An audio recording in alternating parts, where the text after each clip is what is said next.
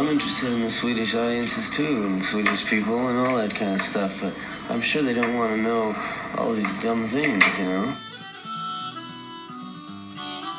No, well, they've read a lot of dumb things about you in the papers, then I suppose, and I thought you could straighten them out yourself. I can't straighten them out. I don't think they have to be straightened out. I, I know that. I believe that they know. They know. Don't you? Don't you know the Swedish people? I mean, they don't have to be told. They don't have to be explained to. I mean, you should know that.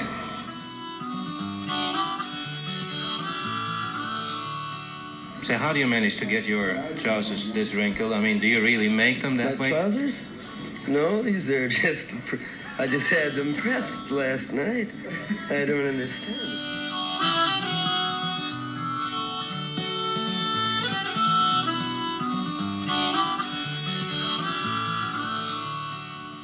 Välkomna till eh, Vi snackar Dylan, den svenska Dylan-podden. Och idag ska vi prata om Hard Rain's Gonna Fall. Oh, where have you been, my blue-eyed son? And where have you been, my darling young one? I've stumbled on the side of twelve misty mountains. I've walked and I crawled on six crooked highways. I've stepped in the middle of seven sad forests. I've been out in front of a dozen dead oceans. I've been 10,000 miles in the mouth of a graveyard. And it's a hard, it's a hard, it's a hard, and it's a hard, and it's a hard rains gonna fall. Det var första versen på Dylans välkända Hard Rain. Och jag sitter här med Lars Larholm i en fantastisk omgivning, omgiven av höga bokar. Härligt att se dig Lars. Tack ska du ha. Ja, det här har jag väntat på länge. Alltså, du är i alla fall för mig en legend måste jag säga. Oj, det var roligt. och eh, historien, det var ju så roligt att du valde Hard Rain nu då till vår första intervju. För att vi har ju en historia kring den, eller hur? När, när du eh, skulle spela på en konsert som jag hade organiserat tillsammans med en utställning jag hade. Och du kliver in och första låten är Styggt regn. ja, det är fantastiskt. Vi kommer tillbaka till det där. Ja. Men eh, för att hoppa direkt på, hur kom du in på Dylan? Ja, det var egentligen en slump. Var, min bror hade en klasskamrat som köpte skivor i eh, moderna musik kan man säga på den tiden. Det var ju i slutet på 60-talet. Och då eh, för att eh, bli ännu mer vän med honom så köpte min bror den här skivan utan att veta vad det var liksom. Det var bara en slump. Och så hörde jag den och tänkte, vad är detta för Den något? här är det Free Will? Det är en Blond on Blond, ursäkta. Blond on Ja, Blond, on Blond, ja. Okej. Det var den första skiva och första låt jag hörde med Dylan. Det var från Blond on Blond. Det var den långa där, Stuck Inside of Moby. With the Memphis Blues again. Ja. Och då fastnade jag. Det var något som hände där va. Så jag lyssnade och tog den skivan helt enkelt. Den ingick inte i hans umgängesformel längre där. Där. Du, tog, du stal den skivan? Ja, jag lyssnade på den hela tiden. Ja, ja. För du vet, Dylan var ju berömd för att stjäla skivor när han var i Minneapolis. Jaha. Ja, han stal skivor från kompisar hela tiden. Det var ju Okej. folkmusik då. Ja, ja. Han korpade åt sig. Du är likadan. Ja, det var ju makalöst. Det var ju en enorm förändring i livet. För jag kände igen, det var som en levande röst från någonting som jag kunde ha varit i. Och det var ju som hela själsinnehållet kom rakt in, in på mig där på något sätt. Det är ju märkligt alltså.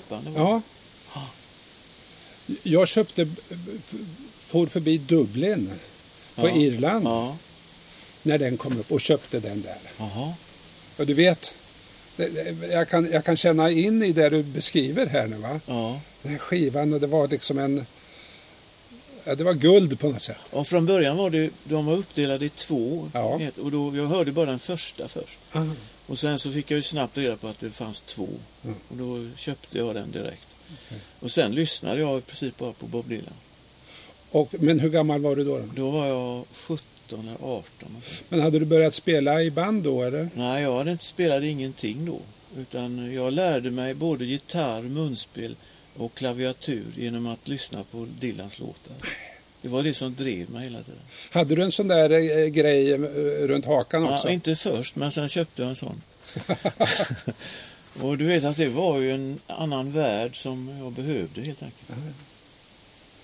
Ja, för jag kan komma in nu på, jag nämnde den här utställningen i Täby var det här för några år sedan. Jag ställde ut skulpturer och då ingick det i konceptet där att man skulle organisera en konsert. Och då ville jag gärna ha en Dylan-konsert och jag kände mina kompisar som är duktiga musiker. Eh, och vi skulle göra någonting men sen ville jag ha någon riktigt bra. Och så lyssnade jag då på nätet, det som fanns att tillgå och alla våra stora singer-songwriters har ju gjort Dylan. Men då var det ju en som var bättre än alla andra. Och det, han hette Lars Larholm och jag frågade vem är den där? Men folk visste inte riktigt. Och jag letade och det var ju ett veritabelt detektivarbete och så fick vi till sist kontakt då. Ja.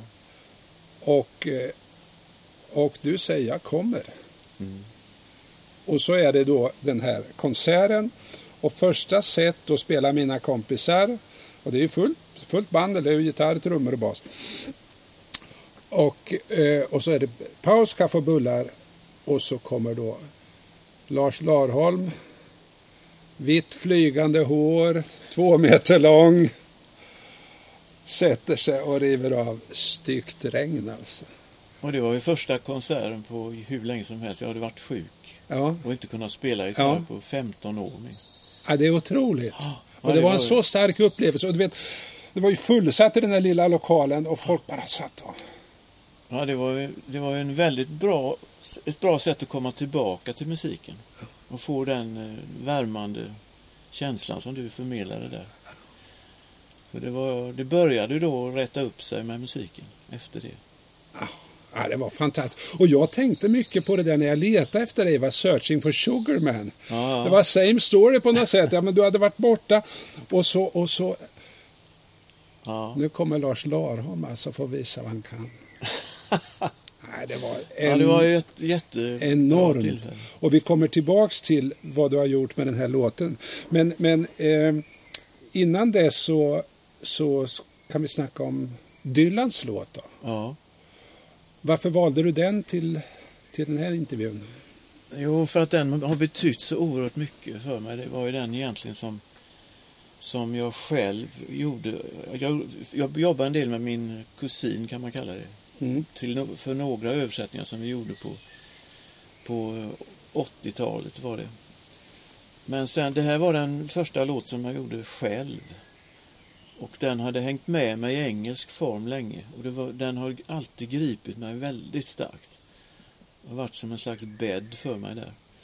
Och sen så märker jag när jag, jag gjorde ju texten under en period när vi spelade mycket med det bandet som jag bildade.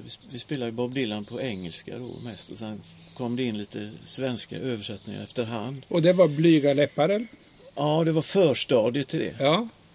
Men sen under den eh, sväng när vi spelade mycket, då satt jag och skrev den här låten i någon slags källarlokal här inne i Göteborg på någon bakgata Mm. som vi var tillfälligtvis.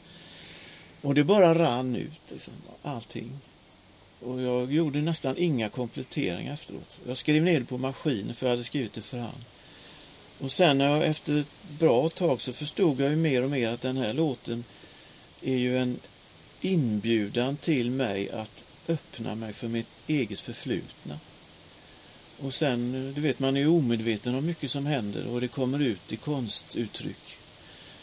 Så den är ju en oerhörd, den gav mig en stadga att gå vidare i den processen att leta efter min egen historia, livshistoria. Och det tror jag förutsättningen för det, det var det lekutrymme som Bob Dylans musik erbjöd. Både musikaliskt och textmässigt och den här lite mytiska framtoningen som han hade. Ja, en helhet som passade mig bra. För att eh, du har ju beskrivit för mig tidigare, alltså när man översätter Dylan Ja, så är de rätt så noga. Man måste be om tillstånd, man måste få sin översättning godkänd. ja, Man måste översätta tillbaka från svenska till engelska. Och så ska de godkänna att du har översatt korrekt. ja, så är det nu. Så är det nu, men den här hade du aldrig fått godkänt på det sättet. Ja, det vet jag inte. Nej, det vet beror, du inte. Nej. Jag har ju fått, jag har gjort sen, när det är som du säger, har jag gjort några låtar. Ja. Det har inte varit några problem där. Men det var ju inte, det var mer fritt förut. Ja. Och det var mer knutet till den personen som hade det, det uppdraget att kolla texter. Så när jag fick ett förhållande till den personen. Och så kände han in och kollade vad jag gjorde. Liksom, och utifrån det bedömde han om det kunde godkännas. Och den första låten, det var jag och min kusin som gjorde. Det var Maggies Farm. Mhm. Det var då när Torbjörn Fälldin var, då gjorde Torbjörns gård. och den var, det var den första som blev godkänd. Liksom. Och så fick jag kontakt med honom då på Warner Brothers var det. Sen har det flyttat sig där. Och det var ju ett bra förhållande egentligen för att det gav ju en slags större helhetsbild åt bedömningen. Det blir inte så där eh, förstört i processen som det kan bli när det blir för teoretiserat och administrativt. Jag har gjort Maggies Farm. Ja. Jag tror jag stämplar ut från landstinget imorgon. Just det, det kommer jag ihåg. Okej. Ehm, nej, men va- varför jag sa att du, du kanske hade fått en godkänd, men det jag vill säga är ju att här är det väldigt mycket Lars Larholm ju. Ja, det är I ju, den en här tolkning texten. är det ju rakt av Ja. Men ja. andemeningen är ju, inkörsporten är ju den stämningen som finns i Dylans låt. Just det. För det är ju samma tema egentligen som den jag kom fram till där. Men när man läser kommentarer till den här låten då är det ju väldigt mycket Ja, du vet, det här som man hatar, protestsångare. Han avskydde ju den beteckningen. Ja. Men, men då är, är det ju, jaha, det var Kubakrisen. Det har han själv sagt i någon intervju. Ja, Eh, det här med att eh, USA upptäckte att Sovjet hade placerat ut kärnvapenrobotar på Kuba. Och så skrev den här låten, säger Dylan. Vilket var en av hans många lögner. För han skrev den två månader tidigare. okej. Men det är ju en speciell låt. Han, han valde ju att öppna med den på, sitt, s- på- sin genombrottskonsert i Carnegie Hall. Jaha, Som Pete Seeger ordnade. Då fick de tre låtar var. ja. Ja, ni får bara tre låtar, max tio minuter, säger Pete Seeger, för många sångare. Okej, vad ska jag göra, säger Bob. Min första är tio minuter. ja. Han fick tre låtar. Men den, den låten är ju skriven, tror jag, utifrån samma känsla, att en bävan för något stort, något stort eh, hemskt som händer. Att man i sin litenhet reagerar med en känslighet på ett hot. Och det är ju samma tema som jag har i min där. ja. Det förmedlar ju Bob Dylan på ett väldigt sätt, bra sätt, de här stämningarna. Inte bara själva texten, utan det är en stämning man kan följa med hela vägen till vad det var som fick honom att börja med den respektive låten.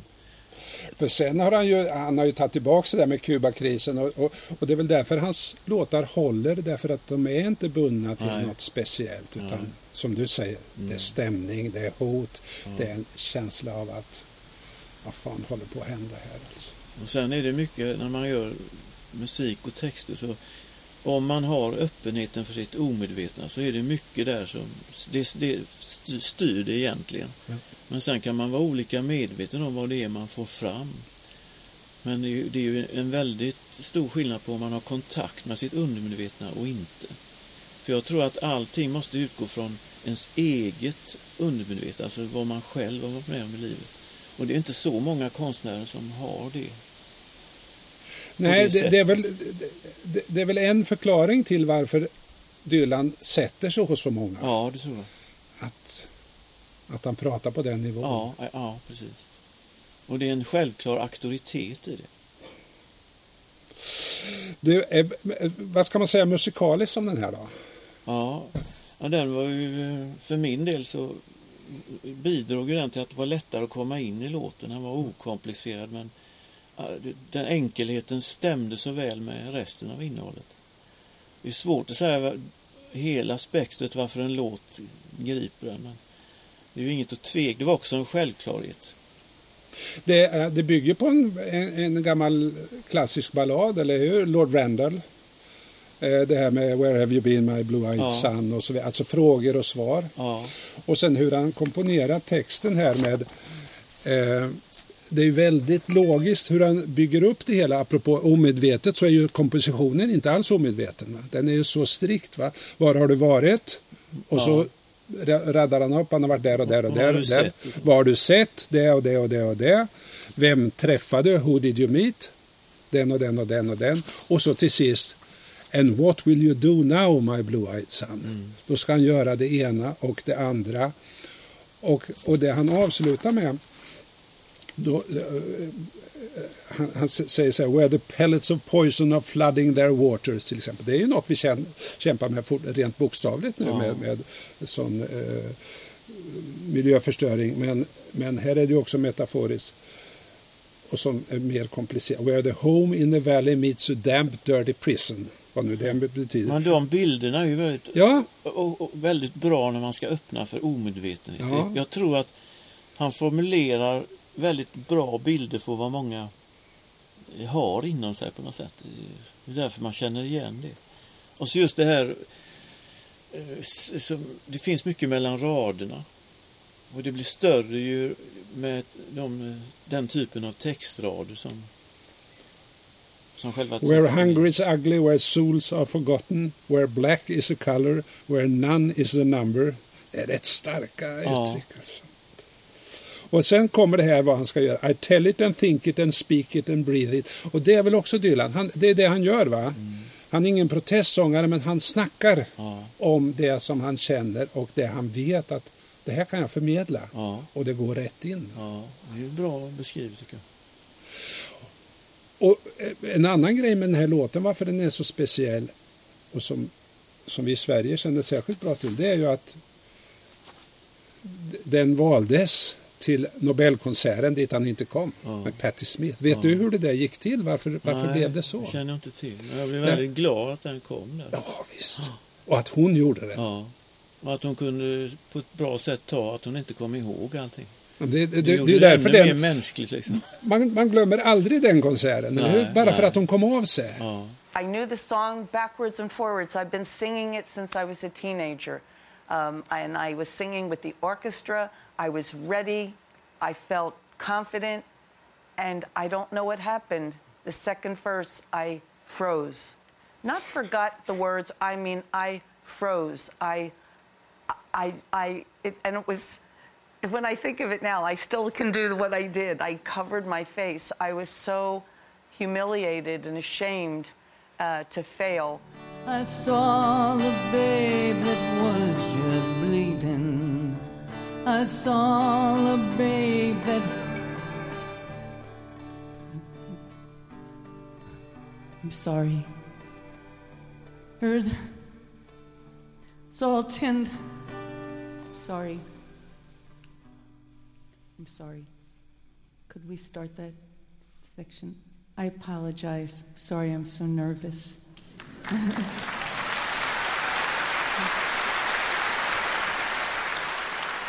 Excuse me, I'm so nervous. säger. Ja, ja, Och då kommer det enorma applåder från publiken. ja. Jag Och, och jag kollade vad det var. Var var det hon kom av sig? Ja, Då är det så här. Hon... Det är den här raden. I saw a black branch with blood that kept dripping. I saw a room full of men with their hammers a bleeding. Där tappar hon det. okej. Och då, då står hon i konserthuset med en massa karar i frack. Ja, ja. Det är min hy- hypotes alltså. Hon ser de här with their hammers or bleeding och hon bara blir... Just det. Jag- Jag tänkte säga att om man blir berörd starkt av visst, då blir det ju ofta så. Ja. Då kommer man in helt i den känslan. Så kan man komma av sig. Och sen när man lyssnar på det där så, så, är man på helspänn. Hoppas hon klarar det nu va? Eller hur? Jag tyckte hon gjorde det jättebra. Ja, det är fantastiskt. fantastiskt. Nu ska vi kolla lite mer eh, din eh, översättning här nu då. Berätta hur du, hur du, du har varit inne på det lite grann men eh, jag hur vet, gick du alltså, tillväga? Jag, bara- den, jag bara skrev den, den som jag berättade. Allting var, kom på en gång. Det var fler rader med. Jag tog bort några rader som var likartade. Så liksom. Och sen det är först i efterhand som jag kan förstå vad det var jag skrev. Och det, det var så helt sammanhållet ända från början. Ja, Jag är, jag är bara full av glädje och, och tacksamhet över att Jag kunde få hjälp att komma närmare mig själv genom att... För, eh, minns du vad jag sa till dig under, efter den här konserten? Jag sa det där handlar nog rätt mycket om Ja, ditt liv. Ja, Och då sa du till mig, ja det var ju fint att du... ja, det var jätte... Och det var ju inte så många som har sagt det så distinkt som du gjorde.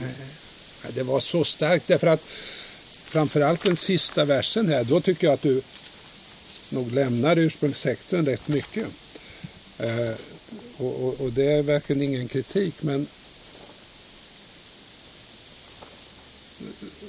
du säger här, vad gör du nu min blåögde pojk? Vad tar du till, det till min älskade son? Och så kom, nu börjar Ja. Lars Larholm, eller hur? Ja. Kan du läsa den där? Ja, jag vänder tillbaka till innan allt börjar hända. Det, det handlar ju om mitt liv. Jag, tror att de första verserna innan den, då öppnades det och sen blev det klarare och klarare. Och tar mig tillbaka till där man, det är en önskedröm om hur det borde kunna ha varit. Och att det inbegriper då en allmän syn på att man, man är värd att få ett mänskligt liv när man kommer till världen växer upp. Och vad gör du nu min blåögde pojk? Vad tar du dig till min älskade son? Jag vänder tillbaks till innan allt börjar hända Tar mig till platsen där man ger tusan i järnet Där man värnar om värmen, gör det tillsammans Där mamma ger pappa och pappa ger mamma Nej, men, nej, men jag, jag minns ju väldigt starkt känslan där. Va? När, när du är, och eftersom jag är psykolog också och håller på med sådana saker så gick det, jag kopplar det här, alltså när du och du använder ju också hans sätt eh, med allitteration väldigt mycket här. ju. Eh, v- värnar om värmen och gör det tillsammans. Mamma ger pappa och pappa ger mamma. Alltså i den enkelheten. Det är så starkt. Ja, roligt att höra att du Ja. det berör på det sättet. Och det gör detsamma om du gör det med detsamma. Dylan skulle kunna skrivit så här om han pratar svenska. Ja. Ja. Men, men det står ju inte i hans originaltext. Nej. Utan du, du, är, du är och tänker Dylan här på något sätt. Ja, det är det som är så bra om man, om man har något som är väldigt svårt för en att ta hand om i sitt liv, Mm. i, sin- i sitt inre. Då kan man ju få hjälp av andra uttryckssätt. Och är det då en artist som passar ens kemi, Mm. som man tycker mycket om, då är det öppnande i sig. Så det är en inbjudan till att komma sig själv nära. För min del har det varit så. Det, det, jag tror det handlar om det när det är äkta strävan efter något vä- väsentligt i både uttryckssätt och i ens liv. Man vill komma nära. Om man går b- början här, första versen här, så kommer det var, var har du varit min blåögde pojk och så vidare. Och så kommer det, jag har vinglat på kanten av en vidöppen krater och det är ju nära hans text, eller hur? Men så tänker jag där, att det kanske, du är i dig själv där också. Ja, precis. Trevat i mörkret i minerade landskap. Snavat på travar av lagparagrafer. Jag kan liksom se... Alla har vi väl gjort det mer eller mindre, men, men man får känslan av att du har verkligen fått slita alltså. Ja. Vad roligt att höra när du Ja. har denna Ja, levande ja. berördhet. Jag blir tagen nu direkt här. Jag kommer Ja, ihåg visst. precis hur det var. ja. Och sen utsatthet som jag inte visste om då. Det var så mycket större än vad jag var tvungen att hålla upp för mig själv. Var har du varit, min blåögde pojk? Vad har du varit med om, min älskade son? Jag har vinglat på kanten av en vidöppen krater Trevat i mörkret i minerade landskap Snavat på travar, lagparagrafer Kremerat min själ, pansat min urna vaggats till ro och somnat i askan. Det är styggt. Det är styggt. Styggt regn. Som faller ner. Ja, det var, jag tror det är det som gör att om man har en stark koppling till vad som har hänt en själv och att det förmedlas i det man gör, då blir det en självklar auktoritet i det. Mm. För det är så sammankopplat med ens eget... en- Det är en nödvändighet för en själv, eller var i alla fall. Mm. Och det var ju ändå det som ledde vidare sen. Att komma nära på det sättet. Ja, jag får reflektioner nu på mitt förhållande till... Det betyder ju så fantastiskt mycket när jag hade Bob Dylan att lyssna på. Du vet, jag satt på somrarna där på... Hyrde, ett hus på landet och där satt jag med den skivan och så byggde jag modeller. och jag lyssnade hela tiden. Ja. Och det var ju så befrielse från det som var runt omkring. Byggde modeller, vadå? För... Ja, jag byggde lite flygplan ett tag. Men så jag lyssnade, jag hade musiken på hela tiden. Ja, det är roligt. Det är en fin metafor. Du byggde flygplan för att liksom flyga iväg. och Ja, så. det kan man säga. Ja, du milde till. Men det blir som en vän när man har en så stark relation till någon.